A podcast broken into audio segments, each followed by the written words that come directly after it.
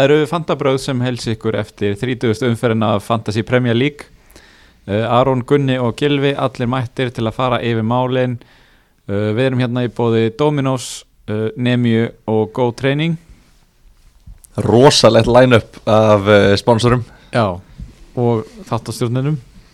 Jó, þáttast Það er Ekki ekki síður þeim. Já, Ekki síður þeim sko. Þyrftu ekki að kippa svona Kippa einum auka sponsor inn eh, Svona í loka sprettin það er spurning með það. Þegar allir eru, þú veist, það er allir núna að hlusta Allir að ofpeppast, þú veist, tens það er Allir núna að fá alvöru ráð til að loka þessu tímambili sem best sko. Já, Svo erum við bara tekjuleysir eftir mánuð Þegar sömafríði komið sko. Þegar henski boltin klárast Þá þeim að Gunni er alltaf læknir Með 2 miljónur mánuð En ég og þú Aron. Aðal tekjurnar eru nú hérna í þessu þættir Já, þetta er svo skerði ekki á þér En ég og Aron verðum tekjuleysir Þannig að það er spurning Ef einhver er, vil vera fjóruði sponsorinn Hvað er svona fjóruða sem að svona Fjóruð bítillinn Nei, hvað, er eitthvað svona Fjóra Kardashian sýstirinn Hvað erum við með að svona fjóruða? Bítlarnir voru fjórir og, og Kardashian sýstunar eru fimm Þannig að Það eru fimm. Það virkar kannski ekki. Já, hver er fjóruða sýstirinn? Hver, Fjóruða er Ég er að tjóka, ég, ég, bara, ég var að leita eitthvað svona skiptuna þegar eitthvað svona, það var að geta gaman að svona, halda ársátíð eftir tímabil. Já, ef að gera það? Bjóða styrtaralum, bjóða nemiuliðinu góð treyningliðinu, dóminusliðinu Og bræðarefunum og, já, og bræðarefunum en svona þú veist, þá, styrt, þá þurfum við bara að leiða einhverja reyðhöll eða eitthvað að- já reyðhöld, við erum að alla hörpum. Já. en hérna veist, við vorum svona að lifta upp styrtaralunum kunni, svona Já, ég skil. að gefa þeim ársátíðina Já, líka refunum, það þarf líka að lifta já, já, já. Pæliði stundum í því, þú veist, að við erum bara þrýrin í stúdíu og það er ekkert mál að sitja þetta bara og spjalla. En ímyndið ykkur ef við værum í Eldborg með fullan sal af fólki, þú veist, haldið að samræðnar væru svona? Þú meina bara allir refinni væri bara í hörpu. Nei, svona, hvað, einn sjötti af refanum, Já, þú meina þetta er Eldborg við, við þyrftum, að, við þyrftum svona 5-6 Eldborgarsali til þess að fyrir, Ná öllum. Já, þú veist, á öllum hlustundunum Já. en, þú veist, pæliði stundum í þessu. Við værum bara lögatarsvelli Já, ég, þú Já, í rauninni, hann væri bara næstu í fullur Lögðarsvöllur Já. Og við sættum þetta bara þrýra í miðríknum ah, Gundókan Eitthvað Það væri ógæslega steikt. Þetta er mjög góð pæling sko. Ég er ofta andvakað að hugsa um þetta sko. Nei, veist, ég, ég pæla Ístu bara stundum er eitthvað Vín er að spurja eitthvað svona Þú ert ekki skrítið eitthvað? Ég bara, nei, veist, maður pæla ekki í En ef, maður, ef það væri Það væri bara, þú veist 5.000 refir hérna bara út, út við glugga bara eitthvað Taliði Já, maður, þegar ég mætti hérna fyrst þá var ég í þessum pælingum Svo Já. hefur það bara, svo er maður bara búin að venjast þessu sko Þetta er ógæslega Þetta væri ekki bara eins maður, myndir örugglega bara venjast þessu eftir nokkra þættir Já, sko. elska þarna á podcast. Elska podcast sko. Já, Ættum kannski að gera þetta bara eftir, eftir að sótarna aðgerir eru búnar að, að bjóða öllum refunum á lögatarsvell og taka þátt Já, leiðan bara Já, leiðan bara Eina kvöldstund En eru talandi um hérna bræðarefna og, og grúpun okkar Fantasí bræðarefir Þið tóku kannski eftir að, Ari Egilson var að pera sig á því að hann var að tapa í hett og hett-dildin okkar með nokkur stegum fyrir dauðu liði sem gera síðust skiptingu í oktober helviti þreytt sko. Já. og Bessi hinn geitin í hópnum tók Já. hann og jarða og Bessi Egilson setti sko þetta er líklega besta mynd sem við komum inn á þessu grúfi ég veist þetta er öruglega svona 50 ára gamall miði það ekki? Þú veist þetta er alv, e, það er ekki kaldan að bakverða miða upprunnilega Ég ger ráð fyrir að hann hefði bara brotist inn á þjóminasafni og tekið mynda þessu. Þetta er djúvöldar í sáttum með hann þeir, þeir eru, ó, ég elska þá. Já, og við kannski lesum upp hvað stendur hérna ef fólk er ekki búið að tjekka á þessu. Af stakri aðtikli hef ég hlustað á útskýringar yðar. Aldrei hef ég heyrt um önnur eins vandamál og yðar Vinsanlegast eigi þetta spjald sem vott um mína innilegustu hluttekningu. Þetta er einhver veðraður krumpaður miði. Ætli Bessi eigi þennan miða?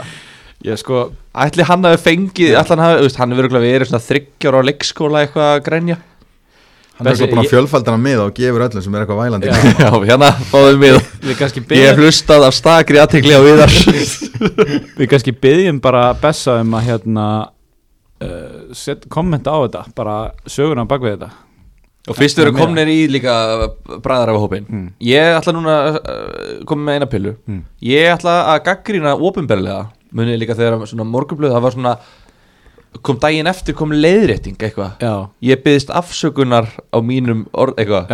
Eða munið eftir, ég hafi séð þetta svona 50 ár síðan. Allavega, að gaggrýna Guðmund Felixson stórvin þáttarins uh, hann hefur bara ekki látið sjá sig núna bara lengi í, í bræðrafagrúpinni ég er mjög ánægð með hann. Ég sakna hans. Er ekki bara ganga erfilega Ég veit það ekki, eða vel, ég bara sakna hans. Ég ætlaði að vera með hérna, ég var búin að undirbúa nýtt hotn, Guðmund Felixson hotnið þar sem við ætlum að fara yfir virkni hans í hotnum og hvernig honum gengi. Og það væri- hefði verið skemmtilegt. En uh, það er ekki hægt ef að við fáum ekkert að frétta. Já Þannig að þú ert með ákallum aðgerðir Já, bara, já, Auglýsum eftir þeim meistara aftur. Já Fáum hann til að sponsa þáttin líka. Hann, á, hann syndur ugli í seðlum sko. Herru, ef að byrja á þessu? Já, ok, gerum þetta í gang. Vitið þið hver á að byrja? Ég ætla að gíska. Þykist vita það. Er það þú? Nei, það er Gunni. Er það Gunni? Djöfullið maður. Já, já.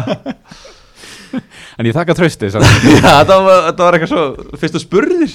Ótrúlega steikt að spurja svona og vera eitthvað glottandi eitthvað Jæja, geitin komin Já. aftur á toppin Treyk spurning. Já, Já. tölfræðin, Revenge of the Nerds. Já, Revenge of the Nerds Það er bara on núna sko. Þú ert yfirbyrðað mest í nördin hér inni Við verðum að vera saman um það. Og uh, Já, Ég tekja þessu sem já, ég, hrósi, sko. ég er að segja það Og bara vel gert. Hvað hérna?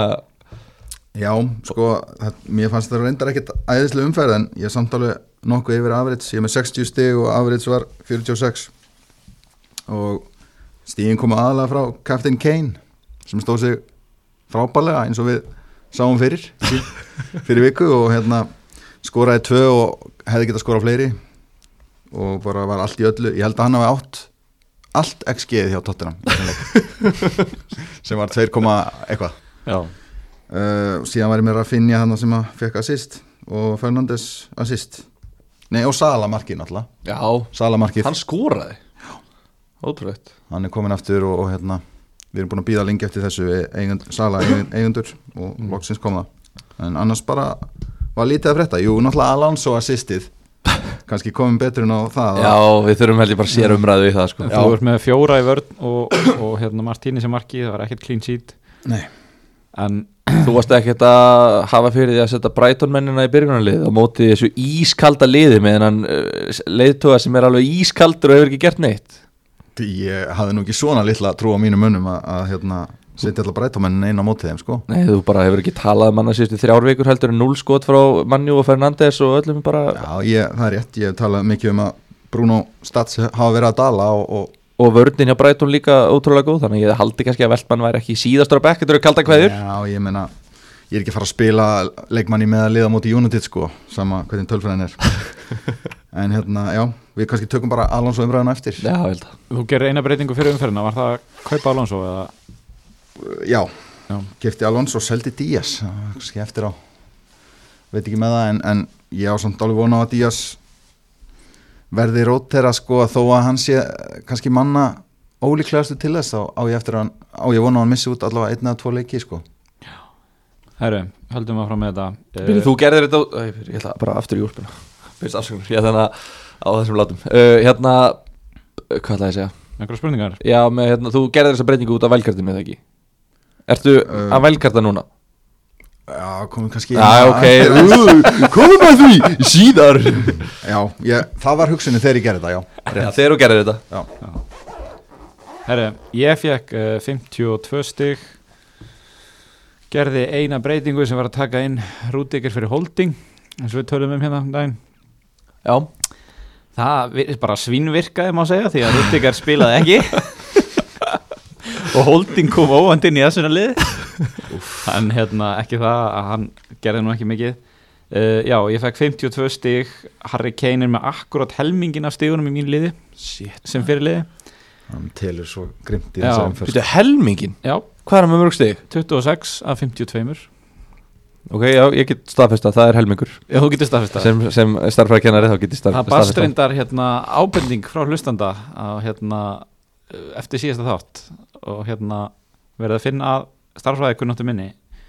Þar sem að hérna, ég tók af mér tíu auka stig, ég sagðist vera sem sagt, eh, 52 stigum ever average í síðustum ferð, Já. en var 62 Já, Vá.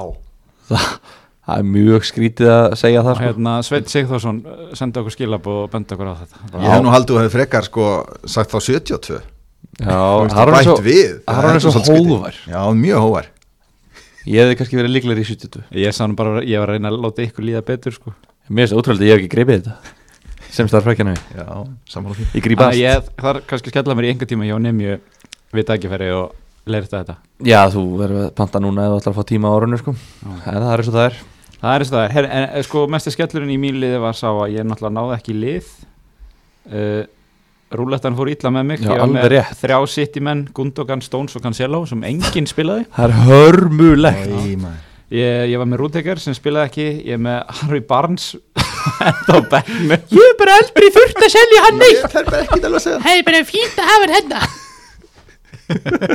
En þú fær þannig sterkan punkt hjá Brúster Já, Brewster er hardcore. Það er sami, það er hérna, akademiski punkturinn hans. Voru það 32 mínútur í dag? við verðum það stig. Hann virðir stíð. Það er enginn sem virðir stíð í að vel og Ryan Brewster.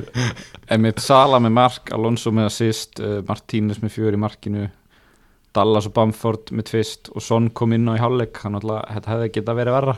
Já, ótrúleitt um satt, en já þetta var, þetta náttúrulega umferðin bara stóð og fjall með fyrirlega valinu og, og hérna það virkaði heldur betur í þetta sinn. Já, já. Gilvi ekki svo En þú Gylfi, Já, ég er neðstur, síðastur og sístur þar með, þar á leiðandi. Uh, 50 stig, fjórum stigum yfir meðaltali Þú veist, þetta var eitthvað svo treg umferð, þetta leit alveg fínt út og svona já, já, allt í góðu en svo bara varði þetta helviti þreytt, mjög fljótt. Uh, Ég er með Díaz, hann kemur inn á bekknum já, ég var náttúrulega með Rúdíker sem var að fyrirlega og uh, hann spilar ekki, þannig að Díaz kemur inn á sem fyrsti varmaður sem er alveg fínt, þú veist, ekkert nýtt að ég fái hérna fyrsta varmann inn og hann sem er stig en ég er helviti fúll að vera með Diagne á bekknum sem annan varmann með nýju stig og við töluðum mikið um það á chatinu okkar yfir helgina þetta, þetta var, var þetta ekki fyrsti leikurinn? Jú. Hann kom þetta bara og kongaði yfir sig. Og hérna og maður var alltaf að býða bara, oh shit, ætli maður nái öð, að því ekki rúti ekki var náttúrulega strax já, svo var bara, ætli ég nái öðru varamann ennum minn? Og Gunni var að sko vera gráhær þetta gerist þá hætti ég. Flýttu færi. Og, og hérna Son var náttúrulega að byrjaði á bekknum þannig að þú, þú varst ansið nálætt í að Já, og eina sem ég vildi var bara please, fáum bara auðveldan á sig, fáum bara Mhm. 3-0 og bara tóttir bara getur bara kvílt og þægilegt. Mhm. en nei, þeir gáttu það ekki. Son kemur raun í háluleik eitt stig og maður bara, uh, þreytt. Hversu ömulegt að við erum báði búin að vera með Diagne núna Fjóra leiki í röð, skýtleta leiki. Hann hefur ekki gert neitt Ekkert. Með þess að fimm létta leiki Svo mætir hann á ú- erfiðasta útivöld í deildinni núna Samkvæmt tölfræðinni að skora. Sem sóknar mann alltaf, já, Og þá skora hann og, blómstrar. og leggur upp. Hendur í Mark mark og assist. en fær engin aukastiga. Það var náttúrulega, þeir skoruðu fimm Ferreira og. Robertson hann bara kongu yfir sig.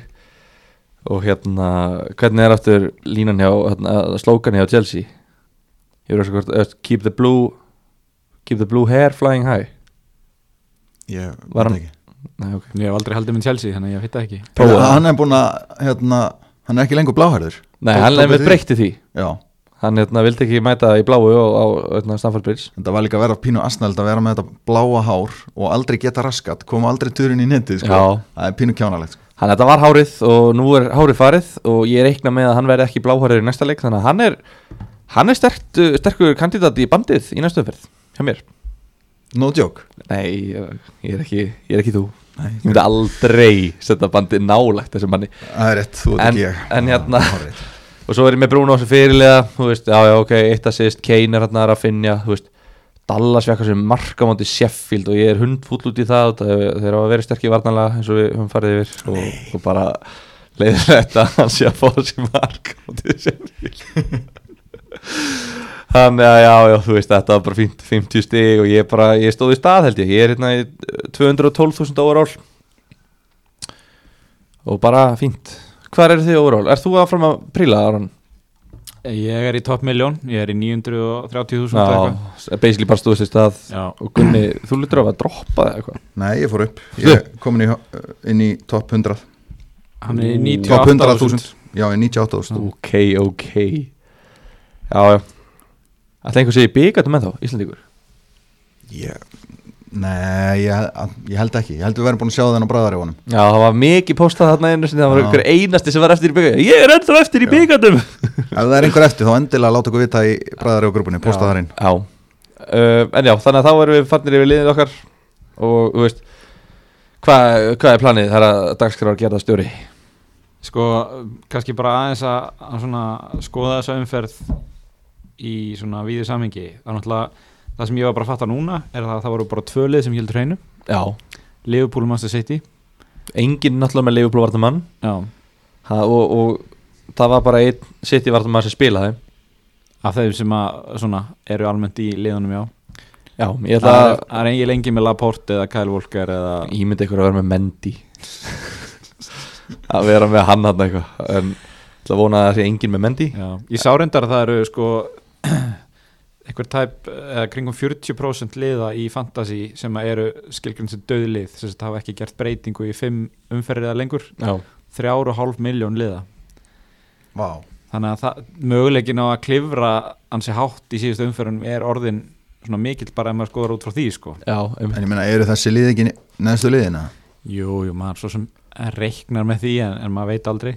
Samt einhvern veginn ekkert endilega finnst mér Ég meina ef einhver er búin að vera bara með autokaftin á Kane eða þú veist. Það var náttúrulega allir með Bruno í fyrstu umförð Já, og hann er stigastu leikmæður með 225 stiga eða eitthvað. Ég held að sé stigastur, mm. -hmm. ekki stiga hann kynni jú. Og þú veist, og meðan við hinn erum búin að vera að sveifla bandinu alveg á millu og elda hérna, hann er bara solid bara í 7-8 stigum í hverjum einasta leik þannig að, að ég veit það ekki. En ef það er eitthvað döitli núna sem er bara í þúsundasta sæti eða eitthvað Akkur ætti það þá allt í Þannig að kannski er þetta ekki döitt eins og við brutum í hjörtun með að skoða hérna hvernig okkur hefði gengið ef við hefum ekki gert neina breytingar. Það var bara, ég hefði verið eitthvað 70 stigum ofar en ég var þá eftir bara 10 umferðir eða eitthvað. Já, Já, þú fórst hans illa á fyrsta veldkartin ekki? Og bara Jú, rústaði liðinu jú, bara ég var með Ward Prowse í fyrsta leik Já, og eitthvað já, svona sko. já. og bara, svo bara fór hann að blómstra og þetta var bara fullt af eitthvað ég hérna, maður horfði svona alveg góðum augum á þessu umferð bara fyrsti leikurinn Chelsea Vestbrom, bara eitthvað örugasta clean sheet sem að, þú veist, ég er með tvo Chelsea varnamenn Já, og bara örugasta clean sheet sem að maður hefur bara átt von á. Alonso nær hérna í assist með að skjóta ekki stönginu aukaspinnu Jú, en hann vera hann í stöngina og svo fylgir Púlis eitthvað eftir. Já, og maður var bara, yes, þú veist, alltaf ganga sangast plani, svo bara neini nein svo bara mæti Tiago Silva sem hatar að spila mútið Vestbrom munið Já, ekki eftir byrju lendu þrjún og lundir Já, og hann átti, hann átti bara skuldlust eitt eða tvö já, mörg þar. alveg, það var rann eða eitthvað, átti Já. eitthvað sendingu. Og þeir náðu jafnarindar í þrjú þrjú. Já, þeir eru búin að skora eins og þú bendir á, þeir eru búin að skora 32% marka sinna á tímabilinu á móti Chelsea. Já. það er er 30 leiki búinir Gjössanlega styrlu tölfræði sko. 28 leikir á móti ekki Chelsea og 2 á móti Chelsea eða eitthvað, þetta er bara, þetta er ógeðslegt tölfræði ef það hefði verið stuðningsmenn á vellinum þeir hefðu sungið Can we play you every week. Já, það er bara staðfest.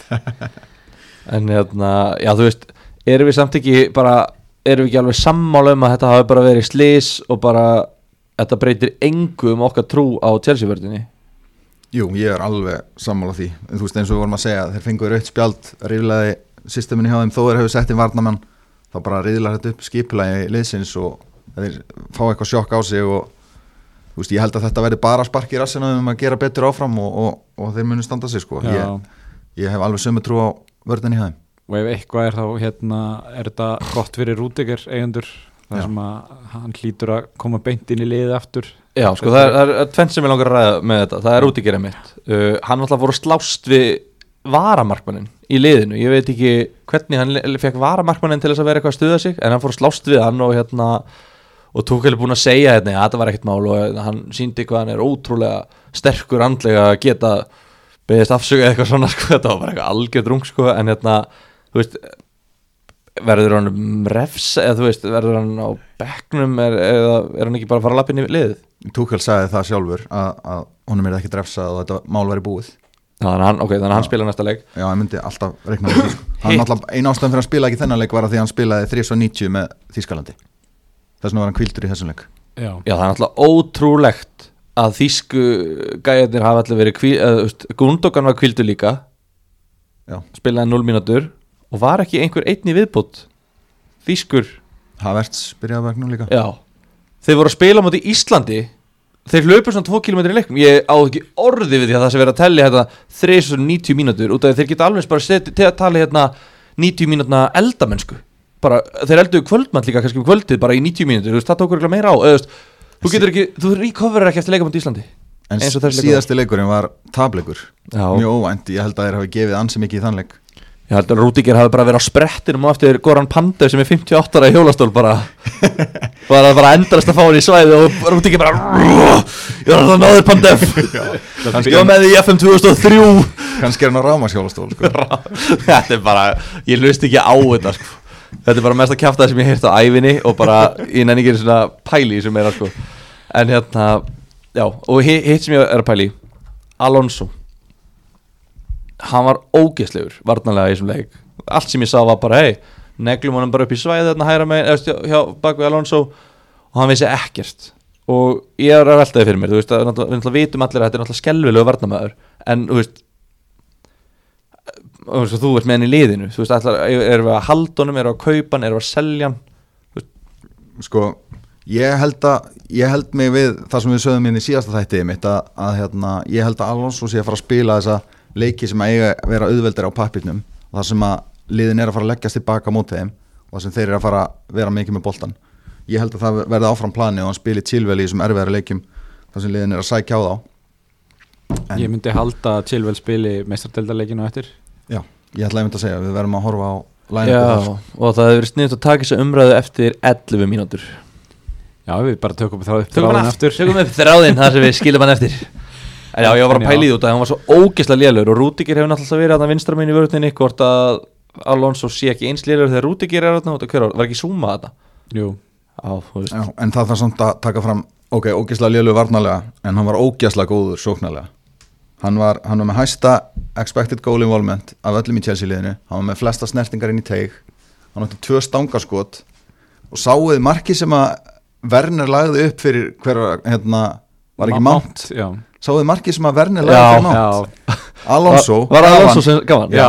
Oi! Alonso gaf að Werner, hann var aðleitt nánast fyrir opnu marki. Já. en að því að hann er með minnsta sjálfströst í heiminum og þorði hann ekki að skjóta og ga- renda hann til hliður og Mount fekk að nutta honum yfir línuna Ég er samt, óþólandi ég var hrifin af þessu, já, Werner. Þetta var svona- skjóta þetta og svona- Nei, af því að það er markmaður fyrir þér en ekki fyrir gæðinum við hliðin á. Hann var ekki, sko, maður með snefila sjálfströsti hefði bara renda honum í neti, sko. Ég er með mjög mikið sjálfstörust og ég er svona ný típa af sóknarmanni. Ég er svona sóknarmaður sem var varnamæður í 20 ár og byrjaði svo að vera sóknarmaður. Mér finnst bara sjálfsagt að auðvitað gefur upp að því þú heyrir hérna Hjört Hjartar og hérna Arna Guð, veist, svona, íslenskar uh, Tryggvi Guðmunds og svona íslenskir geggjaði sóknarmenn Það er alltaf bara skjóta, skjóta, skjóta bara að maður verður að vera ógislega gráður. Ég er ekki sammálaði En auðvitað get ég ekkert verið hérna sagt að, eitthvað, að þessi gæjar séu með eitthvað vittlust hugaverður þannig að maður markaðastu leikminn Íslensk Já. fótbolta. Sáu færi sem Werner klúraði í landsleikja hliðinu Já, það var mjög rosalegt. Þar, Hann fekk heiðusborgarrétt í, í Norður Makedóníu Eftir það. En það kom myndin á fótbolta.net af, hérna, bara rammi af því þegar Werner fekk boltan frá Alonso. Mm. og þar sést bara, hann er bara með opimark þú getur bara flettis upp. Hann það- tekur þetta- snertingu sem að leifi markmannum svolítið að koma á mótunum já, og þá rennir hann um til liðar. Þetta var svona nettur FIFA bræður á þessu. Já, ok, kannski er þetta lítið sjálfsagt að taka þess að snertingu. En allavega, ef það er leikmaður betra færi þá bara átt að senda boltan á hann og hann bara er þá í betra færi en þú já, e með- eftir að maður búin að taka móti boltanum þá var momenti farið, sko. Er Já, já, ok, ok. Já. En, En allavega, við erum, hérna, við erum ekki að fara að ræða hérna hvernig sóknumenn eiga að haga leik sínum. En hérna stigast leikmaður umferðinar var Mattius Pereira með hvað, 21 stig? Ég fór að pæla í honum í svona tvær mínútur áðan. Ég voru að segja, Pereira, er ég að fara að kaupa hann bara? Út af því að hann kostar bara 5,3 Og tekur hann ekki í vítin, allavega aukarspinnur Jú, ég held að sé á vitun Og hotnin held ég og allt bara. Og hann er fjóru sem er búin að fá tveggjastafa tölu. Það var hann málið, hann er búin að spila 30 leiki og hann er bara fjóru sem er búin að delivera Hann bara Já. delivera svo stórt þegar hann gerir það. Já, Og núna útið á móti Chelsea, þú veist. Myndir við vera með 5,3 miljón krónar miðjumann Í byrjunarliðinu þínu, fantasiliðinu þínu Á útið á móti Chelsea Eða þú ert með bara Rafinha á móti Sheffield heima. Myndir við bekkja Rafinha fyrir Pereira, þú nei. Það hefði allir verið með hann á bekknum. Og svo er bara spurning um hversu vel þú komst út úr pepprúlettunni Já, Þú veist. þú veist, þú ætti að vera svo ógeðslega happy. Þannig að ég bara, þú veist, Pereira bara Nei takk. Já, en eru, hérna, Leeds vinnur Sheffield með 2-1, Jack Harrison marka stóðsendingu. Manchester City vann uh, Leicester nokkuð þægilega 2-0 og Mendy og Jesus með mörkin. Já, uh, Já, það er náttúrulega mikið rótring á sittilinu Ég var ekki með Stones, Cancelo eða Gundogan. Já, nei, ég fekk, já. ekki stig fyrir þá í þessum leik. Það er náttúrulega núna fyrir næstu umferð að þeir eru að spila mútið Leeds sem er náttúrulega eitt lélasta varnalið deildarinnar eins og við hefum oft, oft talað um. Ekki sammála því, og hérna það var fyrir sjálflag um, Leeds er búið að fá þessi 20 mörg í 5 útileikjum á móti top 6 liðunum á þessu tímubili það eru 4 mörg í leik að meðaltali Já, er það ekki, stendst það ekki, Gilvi? Á móti 6 liðum. Nei, á móti, í 5 leikjum á móti top 6 liðunum. 20, deils með 5 Já, Það er fjórir, Já. það er rétt lagnir. Þannig að það segir okkur það að við getum séð mörg, mörg frá City í þessum leik. Þannig að ef maður getur tekið einhvern inn og sett bandi á hann kannski einhvern sem spila ekki í meistardeldin í gær. Sterling, Ég ætla að tellja upp hérna byrjunliði sem spilaði í leiknum í gær í mestarlinni Ederson, Volker, Stones, Díaz, Cancelo. Rodri og Gundogan Mares, De Bruyne og Foden og Bernardo Silva frammi. Engin Jesus, engin Sterling engin Já. Aguero, þannig að þessi leikmenn getur byrjað á móti Leeds.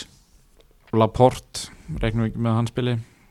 Jú, það myndi, jú, Okkur hann spilaði síðasta deildaleik þú veist, spila ekki í meistardeldinni gott að ekki verið til að rótira Já, er, er þetta núna bara það, það er sko meistardeild aftur síðan eftir þessum Já, strax í vikuna eftir. Já, þannig að núna er bara Þetta er bara, þetta er klálega fjórir öftustu, sterkustu sem að Pep treysti mest. Já, Þannig ég að þeir spila bara meistaradeldin og hinn er bara, er eitthvað fýblastanda bara ég með ég varaliðinu í myndi halda það sko. Já, jú, ok. Já, En hvað haldið þið með De Bruyne? Hann spilaði mikið fyrir Belgíu. Nú er hann búin að spila tvo leiki á örfáum dögum. Síðan er Dortmund strax í miðri viku næst. Haldið hann spila um helgina ég sko Ég er að koma hérna í svona þrítjósa skipti í röð með sama teik sem hefur ekkert breyst og það mun ekki breytast fyrir en það breytist. Og það bara, ef, ef að hlustendur vita ekki hvað ég er að fara að segja þá þurfum við bara að hlusta á gamla þætti eða bara rífa sig í gang. Að koma, hérna, ef, ef þetta er fyrsti þátturinn sem að hlustendur ákveða að hlusta á þá bara, sorry, þið fá ekki að vita hvað mér finnst. Þegar ég vita þetta. Ég ætla ekki að tjá mig. Ég held að ég væri skýt stressaður við að setja bandi á hann ef ég væri með hann Já, ég er sammála því. Mér finnst þetta að vera bara svona 50-50 Ég veit að Gilvi segir bara 100% hann er að fara að spila Já, En hérna Nei, nei, ekkert, ekkert 100% að sé að fara að spila en 100% að gera ráð fyrir því út af því það hefur gerst í síðustu 80 skiptin eða eitthvað. Mm, sem hann hefur verið leikfær, þá hefur hann spilað eða eitthvað, ég veit ekki hvenar hann, kannski einu sinni síðustu tvö tímabil sem hann er leikfær og, og byrjar ekki inn á. Mm, hann skorar fyrir marki í gær og leggur upp síðan að marki með það að segja á þessa rosalegu sendingu þarna sem að Gundogan leggur síðan á, á, á fótinn. Já. En ég er alltaf sammála því sem þú sagðir að Við væri skýt stressaður að setja bandi á hann. Já. Þó að þetta sé uh, Gýrnilegur leikur sko. mm ég var eitthvað brjálar, já, varst að tala um þetta með sendinguna? Nei, hérna, er það að tala um Dortmund sendinguna? Já, já, nei, Lester sendingin mm. á Jésús Vá, hvað var flott. Fallegasta sending sem ég séð á æfinni held ég. Bara, það er kannski eina, tvær inn í næsta sendinga sem að mér er svo dett í hug. En þessi sending, þetta er bara er góð. Já. og hvað tímlega ekki skorað. Ég bara, ég, ég sá highlightir og ég bara, byrju, okkur fekk ég ekki assist fyrir þetta? Svo gefur hann á Störling sem gefur hann aftur, ég brjálaðist. Þú, uh, þú veist og líka bara taka, veist, þetta er svona sending sem myndi fara hann á YouTube bara greatest assist of all time, eitthvað svona dæmi sko, nei að bara, þessi sending mun núna bara gleymast og hún verður bara ekki rifið upp aftur eftir svona Núna verður bara greatest pass of all time. Nei, hún mun bara gleymast. Hún, þetta mun ekki Átti ekki, átti ekki De Bruyne líka sendingu á Mares sem skaut sín í stöngina og, og Mares klúraði sín dauðafæri hérna í lokin. Mánuði hvað er átti sendinguna þar? Þetta er búið að vera svona allt tímabilið að De Bruyne er búin að vera points dodging allt tímabilið og við köllum það. Nei, með samherjans hann er búin að vera að gera allt til að fá stíðin sko. dodsa stíðin sko. Já, eða, veist, já, já, já, já, ég skil En já, En það er líka eitt, eitt punktur með hérna, vítaskittuna Við höfum búin að vera að klóra okkur í hausnum hver er vítaskittan. Og það var flautað í gær og dæmt víti á Dortmund. Mm og það var reynda að tekið af eftir va- skoðunni var. En Maris var mættur á punktin og var að fara að taka vítið. Og inn á vellinu voru De Bruyne, Gundogan uh, Ederson. Ederson var inn á líka en Aguero var ekki inn á en við vitum allavega af þessu leikmönnum þá verðist Maris vera næ, að fara að taka næsta viti Tjúli, þetta er vel spottað. -hmm. Shit, maður. Þú ert ótrúlegur. Svona er þetta. Ég reyndar held, við glemdum alveg að taka hérna Aguero umræðuna hérna síðast. Það er náttúrulega búið að gefa það út að hann fer frá City eftir þetta tímbil þannig að erum við ekki að reikna með því svolítið að hann sé að fara að spila slatta í deildinni og taka öll víti þar. Þú veist, Viljar, hann er markaðist leikmaður í sögu City. Er þeir ekki að fara að reyna að láta hann bæta við eins og er bara Hvað hva vantar hann í eitthvað met? Er hann nálægt eitthvað meti? Nei, en ég segi bara, þú veist, hann er núna markaðist leikmaðurinn. En þú veist, ef hann nær 3-5 mörgum viðbútt, var ekki bara skemmtilega að þú veist, meti væri herra þegar hann fer? Ekki fyrir Gabriel Jesus Nei, eða nei, nei. ég, ég, veit ekki skilju ég, ég er svona Jú, jú, þú veist, þetta er eitthvað sem er bara varaliði sem er að spila í úrsöldinni núna þeir eru bara að fara að vinna meistaratildina líka þannig að Aguero er alveg flottur þarna bara já, með varaliðinu og, og De Bruyne þannig að ég, þú veist Var ekki sérstakur í þessum lestaleg nei, nei, hann er bara meittur greið, búin að vera meittur alltaf mikið Já, og bara, já. þú veist, er ekki, ekki, ekki í leikformi sko. nei, nei, hann er bara veist, ég myndi ekki einu sinni nennan að hlaupa tilbaka ef ég verið hann sko, hann er ekkert að fara að gera neitt nema bara pota honum inn, inn í teg og er hann ekki bara þarna allan leikin Mér finnst þetta alveg góðu punktur hann virðist ekki vera hluti af sterkasta byrjunarliðin hjá City og þeir eru að fara að spila því núna í mestardeldinni og þessum úslita leikjum sem þeir eru eftir í byrkarnum þannig að hann getur verið að fara að spila slatta í deildinni.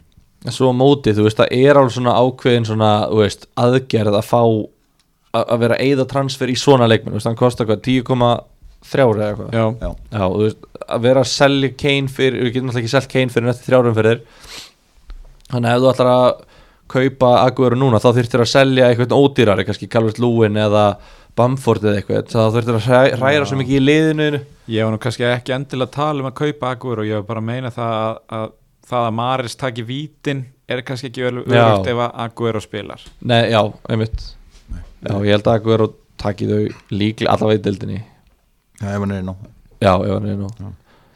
Já, þetta er, þetta er brass, þetta er alltaf jafn erfitt að lesa þetta sitt í lið þannig að ég ætla bara að halda mig áfram við við þessar tvo sem, sem hérna spila alltaf. En svo er ég líka svona smá ég er svona ég vil ekki segja þetta sko. Ég á ekkert eðla óheilbreykt ástasamband við sitt í leikminn Otamendi í fyrra, Aguero í fyrra í ár er eitt leikmæri sitt sem ég hef átt mjög óheilbreykt Ég samband veit með. svo nákvæmlega hvað það var að segja. Og ég er svo farin að sakna hans. Mér langar í hann aftur. Ég vil fá hann tilbaka. Mares. Góð í þetta. Já, 8 mill eða eitthvað? Af hverju ekki?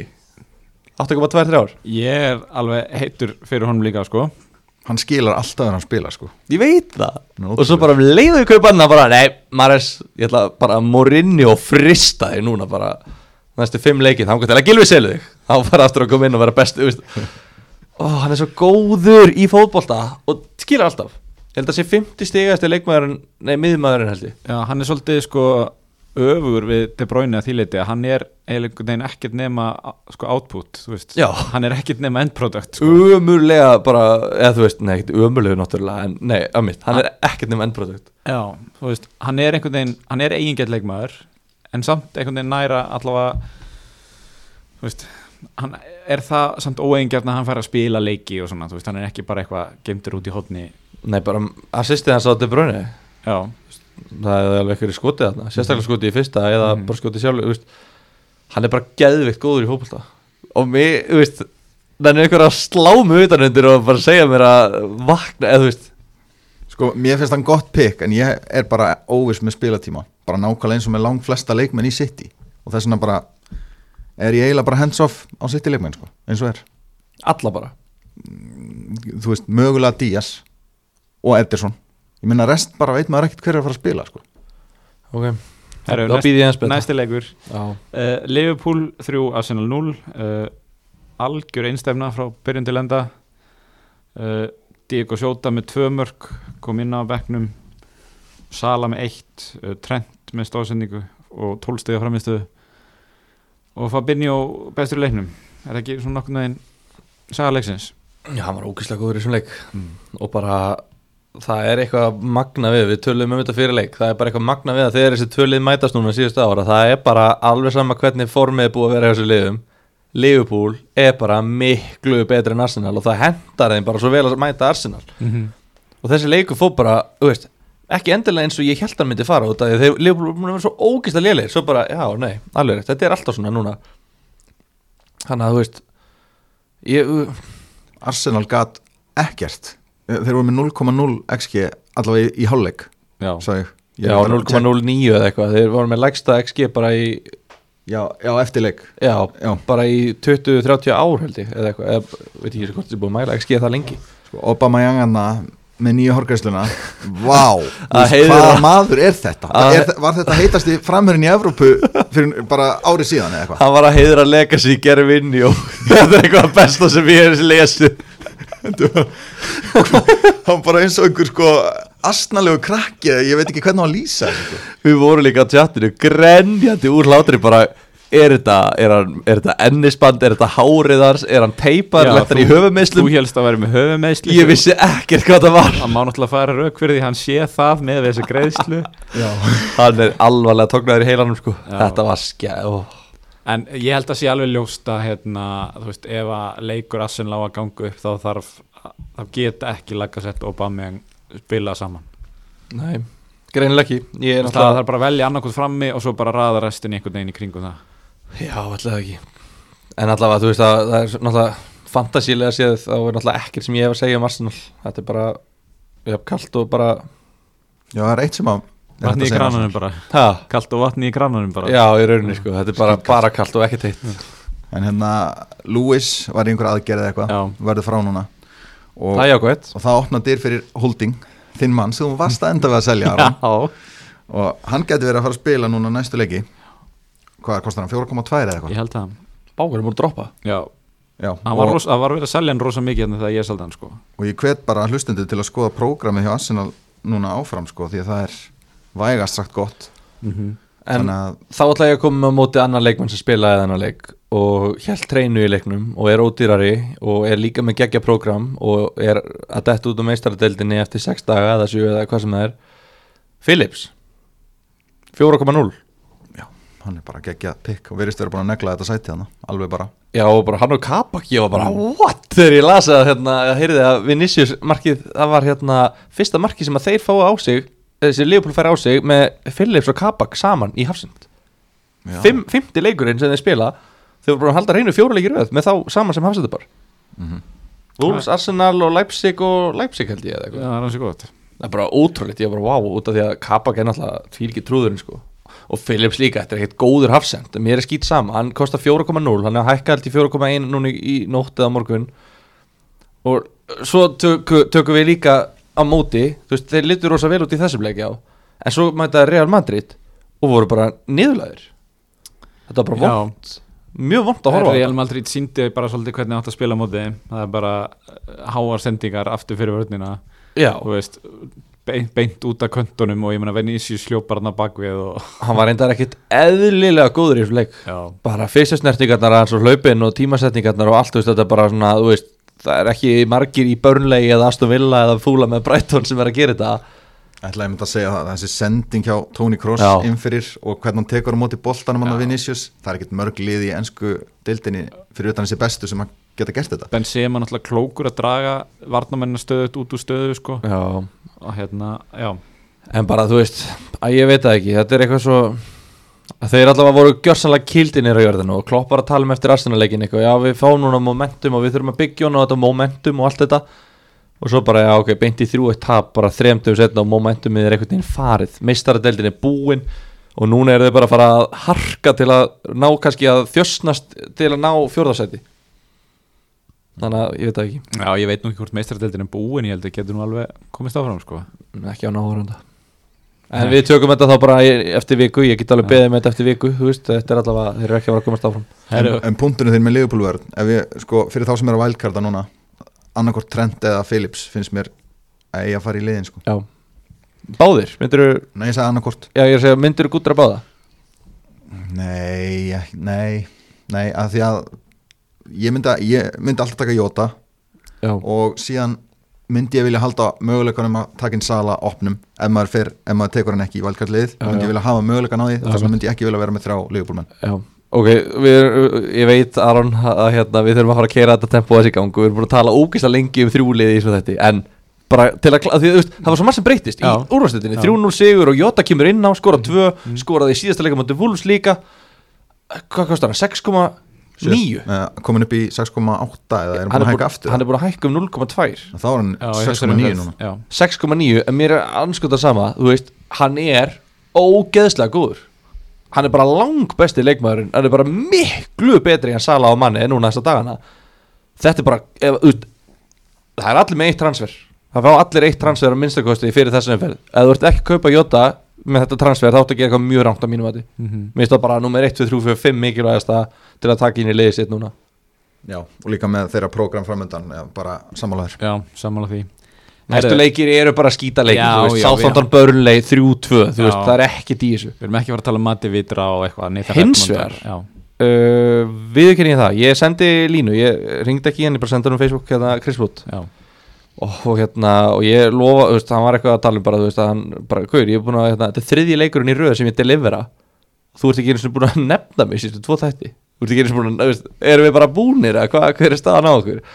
Hann að Chris, sorry my friend uh, you have been doing very well. Og hann er komið þrjáleik í röð að delivera, skoraði á víti. Já. Mm. eða bara, þú veist ég, ég kaupa hann eða ekki, ég bara lofa hann um að nefna þetta já, góða punktur, góða steinn hann frábært Hvernig er prógramið á börnlegi? það er bara fínt, hann, hann er búin að vera líka að fá þessi stíga móti, þú veist, Everton og sterku vörd Brighton manna. Þeir eru að Newcastle næsta og svo United, Wolves og Vestham ég, er allavega kannski ekki að fara að kaupa núna. Nei, bara þú veist, Bamford er núna að í skítaprógram og hann já. er að kólna og Olli er náttúrulega, ég er náttúrulega búin að elda grátt sjálfur með Olli. Já, þetta er, en ég myndi segja Calvert Lúin er kaldur. eina staðan sem ég sé fyrir mér að kaupa hann Chris Wood ef ég væri sett, uh, að fara að taka vældkart eftir næstu umferð taka vældkart fyrir umferð 32 þá myndi ég kaupa Chris Wood í einu umferð og selja hann svo vældkarti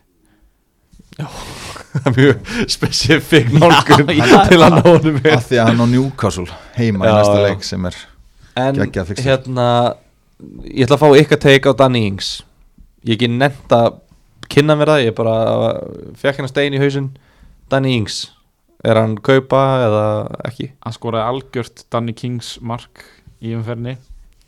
Nei, þeir eiga ekki neitt leik í MF 31 33 Já, 33 já, því, ég held að maður myndi allavega býða með hann þá til eftir það ég, Er þetta Vafbja, Tottenham, Blank, Leicester, Liverpool? Já, Já, ok, ok. Var loka við þessum stein með þeim orðum. Við tökum hann aftur upp eftir mánuð já, og ég get kannski bara bætt við nákvæmlega það sama og ég sagði um Chris Wood að eina það staðan sem ég myndi kaupa Danny Ings það er ef ég ætla að taka vældkart eftir þessu umferð.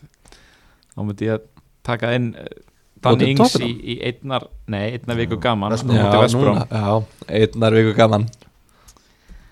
Herre, sko. e, þurfum við eitthvað að tala um hinna leikina? Harry Kane skoraði þarna tvö Newcastle var með fjóra í XG veist, það er allt í abaskít hann hjá Tottenham Móri neitar að velja bestu leikmenn í liði og Já, þeir mættu líka bara sterkur lið. Þeir eru búin að vera núna með aðför á norðrinu og ég, ég þurft að verja þá. XG upp á fjóra. Þetta, þeir eru ekki svona lélegir. Þeir, þeir eru það ekki, mér er alveg sama Þeir eru ekki svona lélegir. Já, ég meina, ef maður horfir á alla leikina fram að þessu þá sem ég er búin að gera svona. Þú ert ekki búin að horfa alla leikinu það hef ég og, og við hefum við hefum séð þetta hjá Tottenham nokkur sinnum áður að þegar það komið allt í abaskít hjá Móra þá, þá virkilega er það réttnefni sko. þannig að veist, ég hef bara áhyggjur af Tottenham sko. Það er náttúrulega, já, þú veist, bara öllu ganni slepptu það, er náttúrulega eitt leikmaður, þarna, þú veist, Kane, það eru flesti með hann og, þú veist, ef þú ert ekki með hann þá myndi ég kaupa hann, út af því að þeir eiga, hérna, hvað lið eiga? þeir eru United, United á heimavelli. tvöfald umferð Southampton og Everton. Já, þú veist, ok, kannski ekki kaupa núna, en þú veist, þeir sem er ekki með hann er að fara að kaupa hann fyrir næstu umferð, þeir sem eru með hann er ekki að fara að selja hann, það er ekkert nýtt að frétta, þetta er bara Kane skoraði, hann er heitur og bara flottur, hann er allt í öllu. Sonn er hins vegar svona hann er svona alveg að detta á, jaðar, á svona mörkinni á mér sko. Já. en, en ég, mér veist bara svona mér veist hendurna mína bara svona bundnar í tóttunum ég get ekki selt svon Nei, ekki út af þessari tvöfald umferð. Nei, ég get, ég get það bara ef ekki þeir ættu hann ekki þá væri maður alveg að pæli því Einmitt. Þannig ég neyðist til að spila núna Son og, og hérna Kane á móti Mannjú á heimaðalli en hvað fór 6-1 í síðast eða? Já, Já. þannig að þú veist, það getur náttúrulega allt gerst í, í þeim leik. Mhm. en ekkert meir um það að segja. En það, það verður nýtt met í þessar tvöföldum fyrir 32 það verður nýtt með í effective ownership á Harry Kane. Já, ég Það hugsa er bara, það. ég ætla bara að segja það núna. Já, það verður svo margir með, meðan triple kaftin og allir hinni verða meðan kaftin Býtu, já, hvað var aftur eigna hlutallið á hann núna? 160% eða? já ekki, 164% já, eitthvað. svo leis, það verður hærra sko. Ég var með hann í liðinu mínu og hann skoraði tvö mörg og ég tapaði á því. Mhm. Þú veist, af hverju er ég með hann í liðinu mínu ef ég tapa á því að hann skori? Já, við Aron gerðum okkar til að reyna að fá þið til að setja bandið á hann. Já, ég segi nú bara saman þú, við, við reyndum allt. Þið Já. gerðuð allt. Við Þú reyndum bara allt. hlustaðir ekki Við gerum allt til að samfæra þau maður verið augljósi fyrirlega valkosturinn. Þið gerðuð allt, það er alveg þú varst bara einhverju mótþróa gælgjuskeiði hérna. En við, gæ- við gætum séð Gelgjuskeiði. Við gætum séð effective ownership fara yfir 200% Já, Já, af því að það er svo margir að triple kaftina já, og það væri sögulegt. Vá, ítla Ég er mjög spenntur núna herru, uh, Aston Villa fekk á sig eitthvað trúðalegasta mark sem ég hef séð á móti fúlam Ég sá ekki markið og bara, ó, þetta er svo leiðast að heyra þetta. Og þú varst með Target og, og Martínez. Já, já, jú uh, Eðlilega, þið vorum að þetta fúlam á heima allir Já, Og bara 0-0 í, hvað var ekki, 0-0 í hálfleik og jú. Marki kom á 61. Já, býtu, sá ég þetta mark ekki? Sko, það var Mingska tilbaka og, það, basically, það var, var bakvörður sem ætlaði að dundra boltanum yfir hinn kantinn og vartum að fúlam næra komast fyrir. Einn miðvörun í Aston Villa sendi til hliðar á Tyrone Mings sem ætlar að senda tilbaka markmann hittir einhvern veginn ekki boltan og Mitrovic kemst inn í og skorar. Þetta var svona, þetta var svona þrjú einstaklingsmistök í röð. Mér finnst ótrúlega mikið af einhverju svona bulli núna í gangi. Veist, eins og þarna Tiago Silva að renna og bara Leopold gert, Trenta skallan og Kabaka hitt ekki bolt Mér finnst ótrúlega mikið af svona hitt ekki boltan bara og svona einbendingaleysi Já, þetta eru menn sem eru bara með skriljónir á viku bara skriljónir, Mhm. bara og þú veist ég, ég skil ekki mér, ég, ég, þetta var ekki svona í minningunni fyrir fimm árum Nei. eða eitthvað sýnur okkur kannski hvað að, hérna varnamenn og sérstaklega miðverðir eins og, og Ruben Díaz og Virgil van Dijk þú veist, hvað er mikilvægt að hafa menn sem geta bara haldið 100% einbendingu í gegnum heila leik sko. einmitt. en það var svo sem ekki það var eitthvað, þú ert alltaf búin að vera mikið að hvað sem er ég er bara gaggrina varnarleiki ást að vilja var hann, er hann ennþá lélur, var hann lélur í þessum leik? Eða þú veist hvernig var XG og svona skot og alltaf öll þessi nördadölfræði, ertu með hana? þannig að nærðu mér alveg sko, ég bara flettið ekki upp, sorry. Ja, en hérna, hún er allavega ekki búin að vera neitt sérstök undanfarið, ég Nei, veit. ekki hvernig hún var í þessum leik. Herru, Everton eh, nær ekki að vinna Crystal Palace heimavalli í Batshuayi jafnaði í login og Messi, Lingott með rosalega framistu hann er hann Lingott núna. Já, hann er í gott mót sko. já, sá lítið vel út, það er bara þannig. Hvað, skoraði, lagði upp og átti príasist í þriðamarkinu Já, hann er bara, er hann búinn að blanka í síðustu 6 eða 7 leikin sem hann hefur spilað? ekki, hann náttúrulega mátti ekki spila þarna United leikin, ég var að skoða þetta í dag. Ég held að hann hefur blankað í fyrsta hann leikin er búin sínum. að fá 12, 12 mátti ekki spila og svo 5, 5, 10 og 6 og svo 0 hann og er, 15 hann er búin að blanka einu sinni Já. eftir hann kom á móti fúlam en annars er hann búin að fá sko 15, 10, 5, 5, 6, 12, 12 Þetta er bara gali, hann er komið með 20% eignarhald. Já, þetta er, 20% það er fáralega mikið, sérstaklega 40% eru dauð lið. Þetta er rosalegt sko. Það er endar hérna, hann náði víst ekki skoti ég held hann haf ekki náð skoti eftir að Mikael Antonio fór meittur út af eftir hálftíma leik Já, frábært. Þannig að það er kannski eitthvað til að hafa áhyggjur af en, 6,3 miljónir já, sko, bara að ég kem alltaf með tölfræði hlutan og hlutunum. Já, hún, Við bara sem hlaðvarp. tölfræðin er ekki að bakka þetta upp hjá hann nei. Hann er með lélegri tölfræði heldur en output. Þannig við gætum sér þetta droppa. Ég ætla bara að koma smá neikvæð hlið á þessu. Hann er með Þú sér- mátt það alveg sko. Ég er ekki, ég er ekki að kalla hann þetta Messi King God Messi Lingott Eða, Já ok, hann verður orðinn King God eftir svona smá Eftir svona eina til tvær vikur. En hérna Eitt sem ég tek úr þessu er líka sko Vörnin hjá Vestam Vistu, fá þessi tvö mörk þarna, eru komin í þrjúnu lifir Fengu á þessi þrjú mörk um þetta Arsenal eftir að vera þrjúnu lifir uh, Dekla Ræs var ekki með. Vantar ekki bara ansi mikið þegar að hann vantar? 100% Já, Þetta er bara Mögulega mikilvægasti leikmærin í liðinu þeirra og hérna í síðustu fjóru leikjum eru þið með næst flest skot fengið á sig inn í teik sem að mér fannst mjög merkilegt. Já, og ég að hef mikla áhyggjur á sem er ræs ég, við erum með Kressvel við Gilvi og Já, ég hef allavega áhyggjur á honum eins og er. Ég er allavega hund óanað með hann. Hann er með hérna 136 stig og bara enda lausta delivery sko. En já byrja, þeir voru Nei, þeir unnu Lester 3-0 á döðli í fyrirleik liðana. Já, Þeir eru Lester, Newcastle, Chelsea, Burnley Þetta er svo mikið svona svart og hvít. Núna mér langar svo mikið að bekka Cresswell En ég er með þrjá í lít sem er að mæta Varaliði City á Etihad Og bara Það er bara næstbesta liði deildinni Varaliði City já. á eftir aðaliðinu Þannig að ég verða að bekka þá þrjá. Herru, ef við ekki í spurningar eða?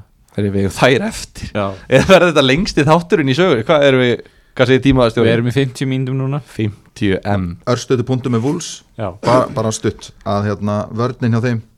Það er margir að pæli varnamann hjá þeim af því að þeir eru svo gott prógram framöndan já, Willi Bóli var að greinast með COVID og Johnny er meittur og frá út tímabilið.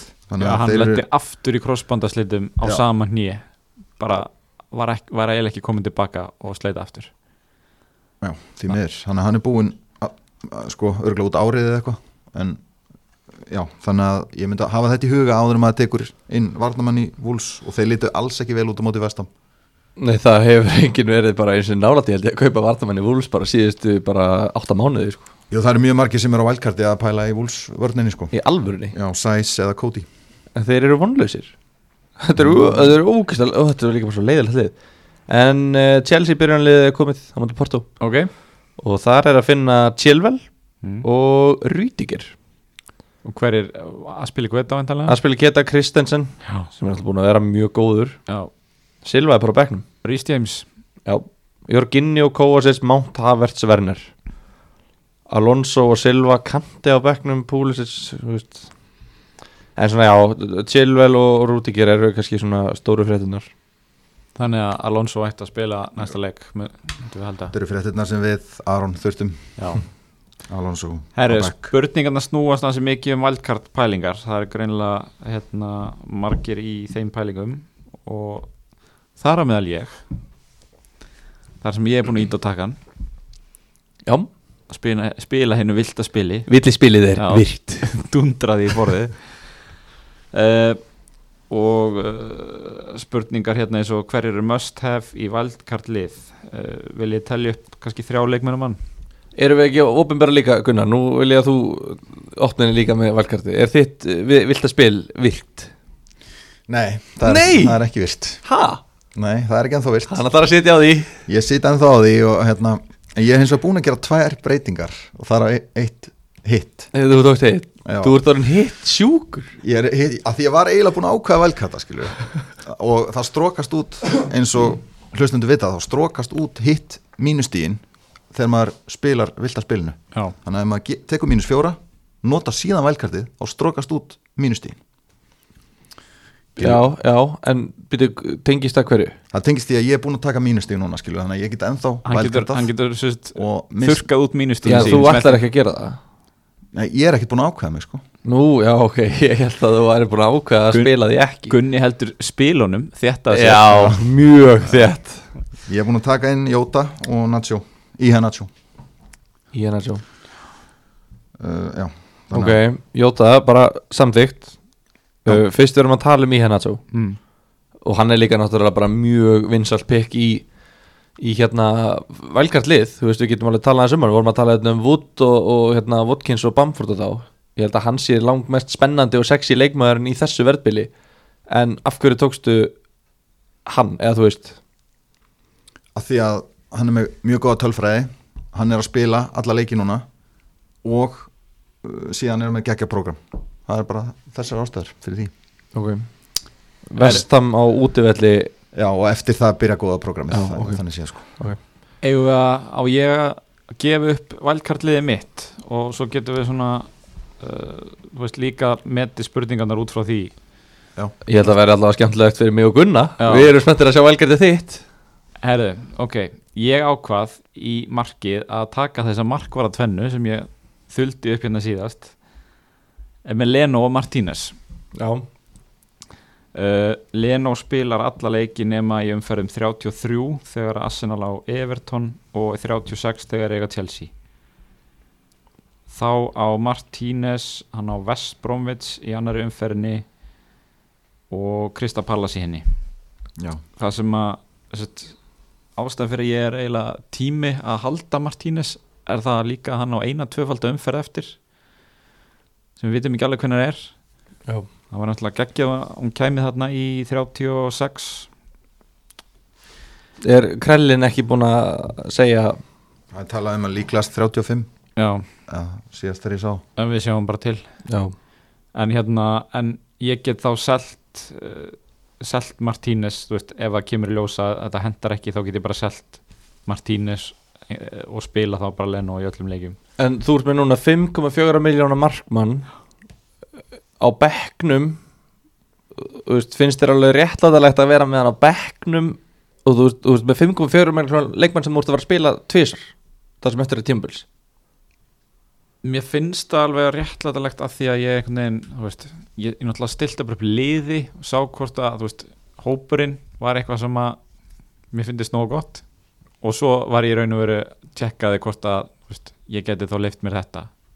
Já, það er bara bara þú veist út af því þú, þú, þú ert með 1, hvað er þetta, 1,2 miljónir eða eitthvað? Já, cirka, þú veist, ég var með Freysi Foster náttúrulega sem var að markmann Já, þú veist, segjum að Martínez fái 8 stig í þessum tveimur leikjum haldi einu sinni hreinu og einu sinni ekki. Já, já, og Forster fái 2 stig, þú veist, það var þetta 6 stig sem að græða hvort það 1,5 miljón krónar dýrari miðjum að það myndi fá fleiri en 6 stig aukalega eða eitthvað. Mm en hérna, Ég ætla bara að taka restan liðinu. Já, Vörnin er Alonso og Rudiger Trent og Nat Phillips og Connor Cody. Þú ert með Conor Cody En Connor Cody er nú hugsað sem sko 50 varnamæður Já, ég hefði nú alveg farið varlegar í stóru orðin ef ég hefði vitað að þú var Já. með Cody Vissið þú þetta? Nei, Ég er búin að býta í tungunum þetta í gegnum allan þáttinn Ok, hvað gengur þér til að vera með Wolves varnamann? þeir hafa litið ágætlega út hinga til sko Það er eiginlega fyrstu merkin bara núna að þeir séu ekki alveg Sko, Wolves eru búin að halda 8 sinum hreinu á leiktíðinni uh, Þeir heldur 9 sinum hreinu alla leiktíðinni fyrra. Cody spilar alla leiki. Fann Uh, að skora og vera já, óknandi í víta til hann kostar 4,8 Mér vantar basically bara varnamenn varnamann sem ég getur verið 100% viss um að spila í alla leiki. Bara bara til að kofera það rótiringuna á Liverpool og Chelsea verðunum. Þú er búin að brenna þig vel á því undarfæri Já, heldur betur, og með nýju mann sérna spilandi í síðustu umferð. Og þannig ertu með mann sem spilar alltaf. Alla leiki, þú veist það bara. Og í næstu fjórum umferðum eiga er Fulham, Sheffield, Burnley og West Bromwich. Þetta þetta er mjög grænt Þú veist, Ég ef að þeir fá ekki minnst kosti tvö clean sheet þarna þá er ég illa sveikinn En veitu, já, já. Sko, já, ég, mér fannst bara Vúlsvörni líta mjög vel út og þess vegna kom ég með hennar punkt á þann. Þetta var bara svona smá svona, það er samt smá hængur áskilur það var punkturinn sem ég var með með að Willi Bóli var greinast með COVID og Johnny er frá tímabili en eins og ég segi, ég menn hann verður væntar á bekknum hjá mér sko bara alla leiki. Þannig að Já, þetta er ef- sko. ef ég væri að velja hérna, Mitchell eða einhvern fjara miljónu varnan mann sem spilaði ekki neitt þá myndið þið líklega ekki segja neitt sko. Nei, út af því þá það er, nokkuð? Nei, út af því þá, máttu við, þá getur þú verið með peningiðin í öðrum leikmennum Þú veist, þetta eru, þetta eru þá t- tvær miljónir eða eitthvað núna sem eru á bekknum. Já, og þú veist, og þú, bind, þú vonast til þess að, þur, að þeir mun ekki spila. Eða þú ert að vonast til þess að Cody veða þínum allt tíðanbrið, vantalega já. En meira og minna. En höldum áfram. Já, miðjan. Mares. Já, já. yes maður. Lingard, að Lingott, Bruno, Son og Jóta Þetta er geðveik miðja. Þetta, já, mér listu láta Þetta. Er geðveikt. Já, ég ætla bara að klára liðið og svo förum við og ræðum við kannski einstaka pikk og frammi er Kane, Ian Nacho og eins og er Gilvi sekkur nýri sæti hérna. Eins og er Alessandra Lacazette. Já, þú getur ekki gert þetta. Ekki gera þetta. Nú ætla ég að gera allt Til þess að fá því af þessu Ekki gera sjálfum við þetta Og ekki gera hlaðvarpinu Þetta er virt hlaðvarp. Ekki gera okkur það Að fara inn í loka tímafili Með laka sett já Þú veist, Please. ég heyri hvað þú ert að segja en ég er búin að skoða fram mér hana Með að svona glerugunum með aðsamglirunum uh, mér finnst eng, mér langar ekki að vera með neitt annan framherja nema þá að fara sko upp á við í Jamie Vardy og vera með Vardy og Iannaccio Hvað kostar laga? laga er að 8,2 held ég. Já, 8,2 hann er með 6,3% egnar hald uh, fyrir leifbúleikin var hann með 8 og 11 stig í, í, í leikjunum tveimur þar á undan. Og þetta er náttúrulega fyrst og fremst út af prógrann sem Assen lág þegar Sheffield United og Fulham í næstu tveim Everton og síðan Newcastle og West Bromwich. Já, sko, Lacazette virðist vera búin að negla þessa framherjastöðu alveg. Þú veist, það fær engin annars séns hann upp á topp. Já, og hann hefur verið að spila ágætlega hann með fína tölfræði og með prógrami sem þeir eru áfram þú veist, mér finnst þetta alltaf lægi pikk sko. Já, já, þú veist, þetta er, þetta er, þetta er, alveg, þetta er alveg mjög góðir fjóri leikir af þessum fimm. En bara, uh, þetta er svo Sko, eiginlega eina sem að ég, ég er að skoða annað er að vera bara með, þú veist, Davis eða einhvern dauðan frammerja að. Brewster og uh, breyta einhverjum liðupólmönnum í sala. Já sko, ok, ég hérna ætla að taka tilbaka að þetta séu mjög góður fjóri leikir á síðustu fimm. Ég ætla bara að breyta það núna. Mm. Út af því að Fúlham og hérna Newcastle og Vafbja Þetta eru allt lið sem eru bara núna komin í sína dauðabaráttu. Þannig að þau eru núna bara að fara að múra fyrir Og hérna Þetta er ekki lengur. Ég held að, ég held að Newcastle í umfyrir 34 sé ekki góð, góð viður Eða Vafbja í umfyrir 35 En kannski verður Vafbja fallið, ég veit það ekki. En hérna Já Já, já. En sko, hérna, þegar ég var að tala minn í síðustu viku að ég var örgulega að fara að vælkarta þá var planið alltaf að vera með Antonio. Já. Núna er hann mittur, Mhm. maður veit ekkert hvernig framhaldið er með hann. Mm -hmm. uh, þá, Everton eru kaldir þannig að Richarlison og Calvert Lúin er eiginlega off mm, finnst mér. Veist, ef ég myndi vælkarta núna þá er þessi, þessi staða annarkvort Vardy eða einhver eins og til dæmis Vítra í Burnley Já. sem virðist vera búin að negla þessa stöðuna frammi og kostar eiginlega ekki neitt mm -hmm. eru þá hugsaðar á bekkin um, en þú veist þetta er eiginlega stærsta ástæðan fyrir að ég er ekki búin að íta á takkan sko. Af því að ég er ekki alveg nú ánæði með neitt nanna Ég er mitt hérna ég fór í pínu baklás á lögadaginn þegar hérna, þú veist, allar þessar róteringar voru á Chelsea og Manchester City liðinum og og ég held ég að vera með 7-8 stig eftir lögadagsleikina alveg gekk ekki vel. En ég er svolítið ítt á takkan af því að ég hef búin að plana það svo langt fram í tíman og ég hugsa, ég, þú veist, ég hef svolítið að halda mig við planið. Að hérna, þú veist, ég hef búin að plana þetta á ástæðu og ég ætla ekki að fara bakka með það bara, þú veist, ég ætla ekki að ég ætla ekki að láta neitt stoppa mig sko í því að velkarta Nei, menn það er líka, þú veist, maður er búin að vera að plana eitthvað þegar maður er með fullar aukvöksun í gangi. Svo Mhm. kemur að því og þá fara tilfinningarna svo mikið að spila inn í. Einmitt. Það er alveg, þú veist, það er ákveðin styrkur í því að, og, og mikilvægt held ég að halda við sér við plani sem maður er búin að teikna þegar maður er með fulla dómgreind. Mhm. Þú veist, það er ástæði fyrir að þú skipur okkur daginn kvöldið áður en að þú vaknar og þú veist, líður þægilega undir sengskýri og svona, ég nenni ekki fram eða þú veist, það er ástæði fyrir að maður er að plana þetta og, og, og bara undirbúa matið sinn og allt þetta daginn áður sko. mm þá er maður með fulla dómgrind en, en hvað finnst ykkur um sko ég er með tvo varnamenn í Chelsea og tvo í Liverpool? Mér finnst það gott, sko eins og við vorum að tala um að þá held ég að hann Alonso sé að fara að spila næstu leiki. Og því næstu, hvað, þrý leikir eða eitthvað hjá Chelsea eru svona dæmi um leiki þar sem að þeir verða með boltan og uh, mótinni leikur tilbaka þannig ég held að Alonso sé að fara að spila þessa leiki. Um, og Rúdíka líka þannig að hann er eitt mikilvægasti varnamæðurinn í þessu liði.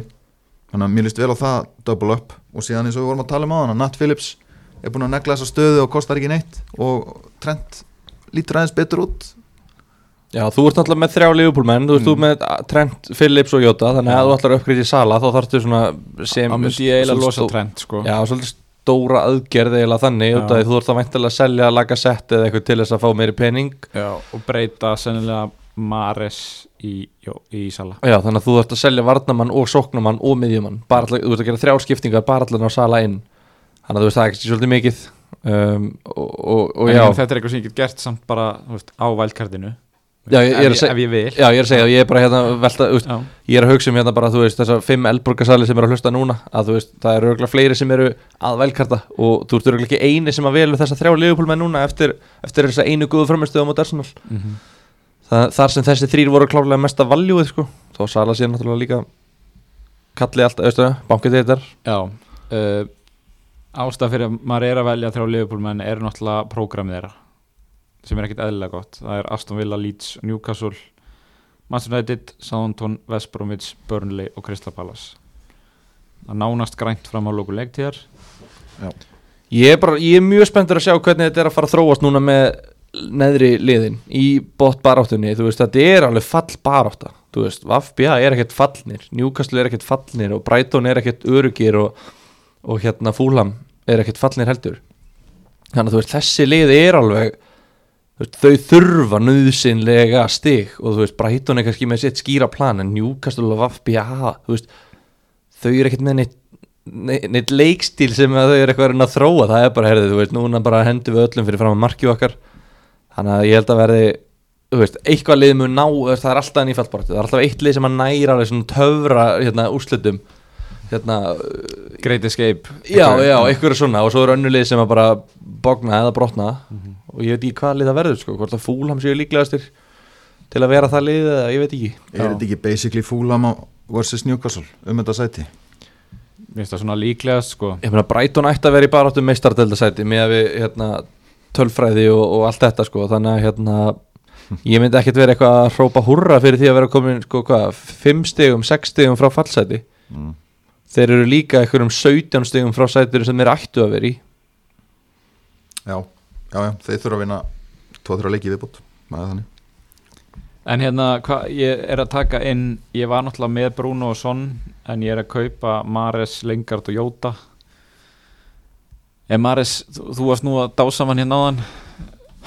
Ástmann þinn. Já, æ, þú veist, þetta er svona bara ég veit ekki, ég held að svona líði unglingstelpum sem er eitthvað svona skotnar í einhverjum strákum sem eru bara fáiðar þú veist, ég er svona, þú veist, mér líður svona þannig mér er svona, þú veist, ég veit hann er ekki að besta fyrir mig en mér langar samt í hann. Þetta er bara, þú veist, ef þú veist hverju byrja í þessu liði þá eru þeir bara eiginlega bara bestu fantasy leikmennir en þú veist bara aldrei hverju eru að fara að byrja þarna. En meira að segja, e- ef það er einhver því, þeir koma alveg oft inn á líka, eða þú veist, ef það er einhver sem að kemur inn á í 20 mínútur og gerir eitthvað þá er það Maris sko.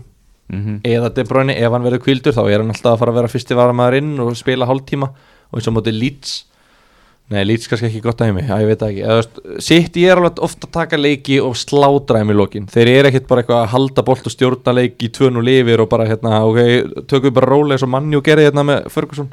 Þú veist, þeir eru bara, ok, höldum áfram þú veist, bara við verum gráðið og skorum og skorum og skorum. Já.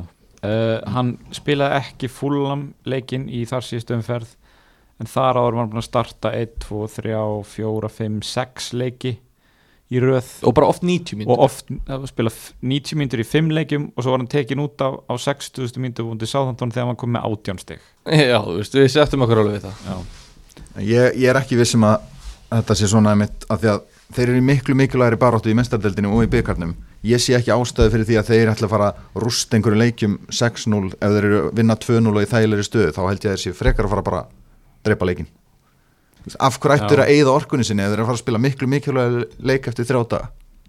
Ég myndi ekki gera þetta ef ég verið þjálfari.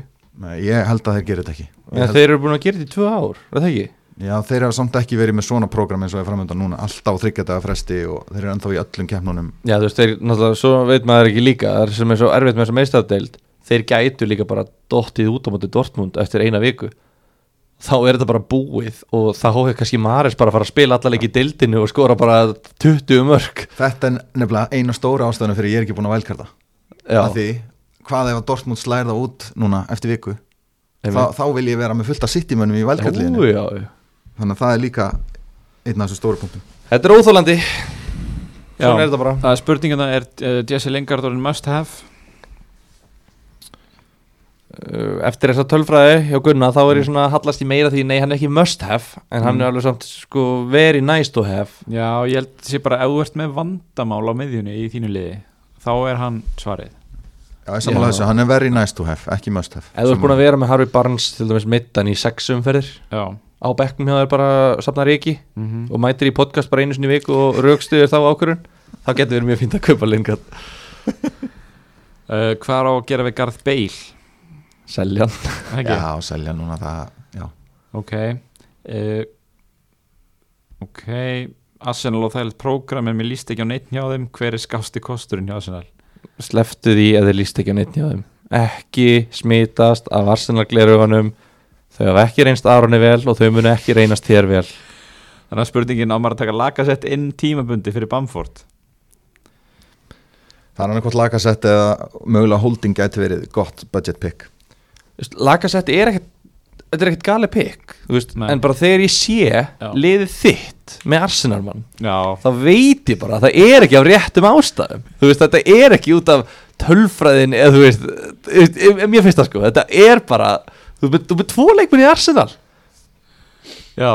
Þeir eru ömurlegir, þetta er ömurlegt lið, þetta er svo lélegt liðarón að þú skilur það ekki. Og ég tala ekki svona um önnur lið, ég er ekki að, þú veist, böggast mikið í öðrum liðum, ykkur, e, e, þú veist, út af því að Leopold er allt í hennu búið að vera gott lið núna í tvö ár, en bara, mér finnst ég bara, þú veist, bara þurfa að bara hrista þig, bara taka þig bara, bara upp í veggin og bara Þeir eru hann í tíunda sæti og þeir eru nákvæmlega það sem þeir eiga skilið að vera líka. Þeir eru ekki skilið að vera neitt ofar. Alls ekki ofar. Mögulega neðar, nei, nei, ok, þið megi alveg verið tíunda, en guð minn almatur En hvað er Bukai og Saka, Aron? Akkur er hann hann ekki er bara fitness issues. Hann er bara með einhver svona meðsli sem að eru að halda honum þú veist, frá. Hann var að verða alveg nokkuð uh, gott pick sko á Já. tímabili. Svo allt í hennu bara er hann ekki ég ætla ekki að ljúga, hann kom við sögu í vælkartóknu Ég er bara að spila honum í gang. Þá fyrir hann að geta eitthvað. En hérna, en Lingard það var ekki annað hægt en að kaupa hann. Nei, nei herru, á skalanum 1-10 hversu heimskulegt er að kaftina Kai Havertz? Tíu? já, ég held ég myndi segja- gefa því 10 Að kaftina, já, Já. Ah, kannski too much. En Kanski já, hérna, ekki kannski kaftina heldur kannski hann í liðinu því að hann geti hérna, hann hefur verið að spila frammi. Við sjáum að hann er í liðinu, hann er að spila frammi í kvöld Já. í, í Já, já, ég hef alveg heyrt verið hluti að ég, myndi segja hann- þetta væri svona lagasett pick. Já, þú veist, þú heldur með Chelsea eða varst með hann. Já um, Ok, City Þú veist, erum við ekki svolítið búin að tekla það? Jú, ætla, ætla ekki. Já, Við ætla að fórum upp í skallabolta við Gunna um þetta. Ok Ég veit ekki hver vann boltan en það er búið að, fara yfir þetta allavega. Já, annars er bara rosa mikið verið að spyrja út í, í Svona, Er ég eini sem er búin með þetta helviti setna á velkarta? Mér veist ég bara algjörlega út undan í þessu partíi Þið eitthvað neða, ég heldur enda rosa margir séu búin með það sko. En, en við erum náttúrulega mikið búin að tala um að, að reyna að geima það fram að þessari umferð. Þannig að, hérna, það eru náttúrulega geggjaði kosti við að nota það núna sem við erum Já. búin að fara oft yfir. Það eru mikil fixture swings Já. bæði lið sem eiga allt í núna slæmaleiki og önnur sem eiga allt í núna góðaleiki En- er að fara í vond program til dæmis. Já. maður er mikið búið að vera að vinna með Leedsarna sérstaklega í þessari fjaralíki umferð þarna um daginn Þú veist, að hérna, það er fínt að losna við þá núna á móti Manchester City og, og fleiri liðum. Mm. Leicester er að fara í fínt program Liverpool líta já, vel út allavega í síðasta leik og, og eiga geggja program þannig að þetta er svona það sem maður er að hugsa um. Já. en hérna má ég aðeins segja akkur ég er ekki búin að aktivera valdkartið? Ef það er einhver sem er að ein, í sömu stöðu ég, er Mhm. að hugsa af hverju nætti að nota og af hverju ekki. Mm -hmm. það er, hérna, þetta með City. Eru þeir að fara að halda áfram með mistardildinni þetta er náttúrulega bara allt annað lið sem að allavega ég myndi velja sa, hvort þeir komast áfram eða ekki á móti Dortmund. Já, síðan er rosalega óvisa með þessar blank gameweeks og double gameweeks núna í lokin út af einhverju að þeir ætla að hleypa áhörundum inn á völlin í síðustu tveimur umferðunum og þá þurfa öll lið að vera með einn heimaleik og þá þarf að fokka öllu prógraminu upp. Það getur komið alls konar double gameweek og blank gameweek upp úr því breyting á prógraminu. Um, meiri segja meistari Ben Krellin veit ekki hvernig þetta er að fara að þróast Það var nú mikið sagt. Já, þannig að þetta er bara mjög mikil óvissa í kringum þetta og mér líður ekki alveg nógu vel með að þú veist, festa vælkarliðið mitt í eitthvað og svo kannski bara fokkast allt upp í lokin, sérst prógramið sem ég er búin að plana fyrir, þannig að ég held að ég sé ekki að fara að nota það en, já. það sem svona endalega sannferðið mig um að nota wildcardi var það að ég þú veist, var bara með nýju menn sem spiliðu og ég var mjög nált ég var með átta ef að sonn hefði ekki komið inn á. Þannig að ég, veist, mér fannst ég bara þurfa að breyta hópnum hjá mér bara til að ná í lið og vera veist, og, og ég er að taka sensa eins og Mares en er þá bara meðvitað um að reyna að vera bara með sko 15 menn sem spila. Já, þú ert komin aftur í, í gamla góða átta framleikjandi gamla góða hausverkin. Gamla góða hausverkin. Þú ert með þitt óheilbyrja samband við hausverkin. Saknar hans. En hérna, já, þess vegna er ég með, með menn eins og kannski kannski er veist, það, það er alveg fínt að geta ég sé fyrir mér að ég muni setja hann eitthvað á bekkin Já. Ég veit bara ekki hvort þetta sé leikmaður sem að þú veist Hvort þetta sé bara, hann var heitur fyrir landsleikir Við töluðum að sem að þú veist að það getur verið það versta sem getur komið fyrir þig. Já, Ef þeir gengur vel. Leikmaður marsmánar í einska bóltanum Já, og það besta sem getur komið fyrir þig ef það gengur illa. Leopold gekk illa, fengur landsleikir og rústa útileg 3-0 Jenart svo gekk mjög vel, fekk landsleikir Ok, jú, mætti náttúrulega bestu vörn bara í deildinni og, og skoraði náttúrulega ekki En næsti leikum mun gefa mér alveg mikil svörum í það natsjó held ég Hvort hann sé raunverulega bara af, alvöru heitur Eða hvort þetta hafi verið bara svona skamtíma Mikið talað um að hann gæti miss sæti sitt eftir að Matti svona fann að koma tilbaka Já, svo er það líka En erum við ekki að fara að tala bara um fyrirlega og svo fara að horfa á mestættina? Jú, hvernig verður það? Mhm. Hvar er, hvert er bandið ykkar að fara? Gunni? Uh, Mitt band fer líklegast á Mósala Móarinn á móti sterkri móti- Aston Villa. á móti hérna, já, misjafri vörn Aston Villa. Sko Jota er alveg í samtalinu líka finnst mér. Já, það eru þeir tveir eiginlega sem ég er svona velja á milli.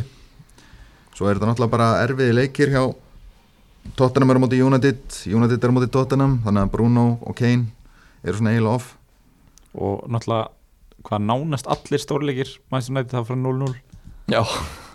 Þetta er, já, maður myndi gíska ef ég, ef ég þyrft að leggja límitt að veði fyrir hennar leik þá myndi ég segja 0-0 Heldur, heldur að fleiri myndu eða ok, ég svara kannski fyrir Hversu mikið fleiri haldið að myndu setja bandi á Jota ef myndi kosta 9 en ekki 6, koma eitthvað? Ég held fleiri. Ef það myndi kosta 9,5 miljonir Já. þá væri ég alveg að considera hann sem fyrirlega en ég get bara ekki að ég keift hann á 6,7 miljonir ég get ekki sett bandið á hann. Það er pínu fyndi pæling sko. Ég er bara, þetta er alveg sami leikmaður saman hvað hann kostar sko. Það ég er bara svolítið- gjörsamlega segur um þetta sko. ég finn það bara, ég er bara, nei ég ætla ekki að banda, ég ætla ekki að Það setja er mjög skrítið. En ef ég geti valið hvaða kraftin sem er já, þá sem myndi þú ég, getur. þá myndi ég nei, ég nei, já, í, í leiknum bara. Já, já, þá myndi ég sennilega velja Sterling. Já, skil. spila ekki neitt í meistardildinni eða koma kannski inn á maður ekki, byrja allavega ekki mm -hmm. þannig að ég held að hann byrja á móti Leeds sem er með lakari vörnum í dildinni þannig að alltaf þessi sekundu þögn að horfa á mig til að bara pyrra mig hættu þessu þannig að já, ég myndi velja Sterling ef ég geti það Aron, hvað er þú með? ja, Af þessum ástæðum sem að Gunni taldi upp hérna á hann Þá er ég með bandið eins og er á sér. Mahrez Maris, yes, Já. ok það er gott að heyra En ég verð að viðkynna Ég er drullu stressaður eftir eins og hann startaði mestradildirleikin í gær. Ég var eiginlega vonast til þess að hann myndi alls ekki spila hann. Já, það er alveg óþægilegt sko. Já, og líka bara uh, þreytt að fá fyrirlegan sinn inn á ef hann fær eitt stig sko en, en mér finnst þessi umferð erfið varandi fyrirlega val Já, er, það er margir kostir í bóði mér mér. svona, mér líður svona eins og Leopold sé ekkert endilega að fara að rústa Aston Villa. Nei, nei, nei. Mér finnst þetta vera fáir kostir í búði Ég skal bara segja ykkur það, Leopold er ekki að vera að rústa aðstofila þeir, þeir, þeir munu kreist út eitthvað svona 1-0, 2-0 eitthvað. Já, þú veist, þetta verður bara einsmark sigur þú veist, þeir eru þeir, þeir náttúrulega, þú veist ef þeir komast í 1-0 þá eru þeir, ekki, þá eru þeir bara að fara að reyna að halda því for, þeir fórustu til þess að vera ferskir á móti real. Þeir eru náttúrulega að fara í mikilvægasta leik tímabilsins í næsta leik sko. En á móti kemur þeir mega alls ekki tapa stigum núna út af því þeir eru, þeir eru umulegri stöðu. Þannig að þú veist en jú, þú veist, meistaradeld nei, landslíkjali er búið þannig að þú veist, þeir ætti alveg að vera ferskir flestir að þannig að ég, ég veit ekki, þetta er, þetta er mjög erfitt. En ég er með bandið á De Bruyne. Já, og held að ég sé bara ekkert að fara að reyfa það. Bandið verður bara þar.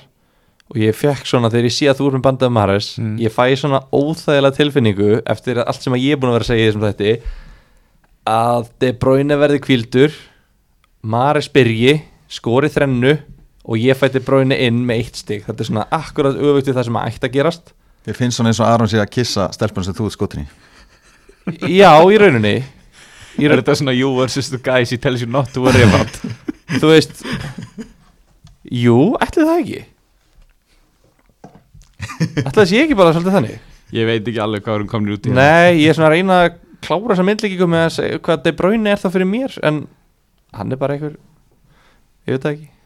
Já, herri, það kom hérna ein loka spurning sem ég langaði ekki að taka svolítið random.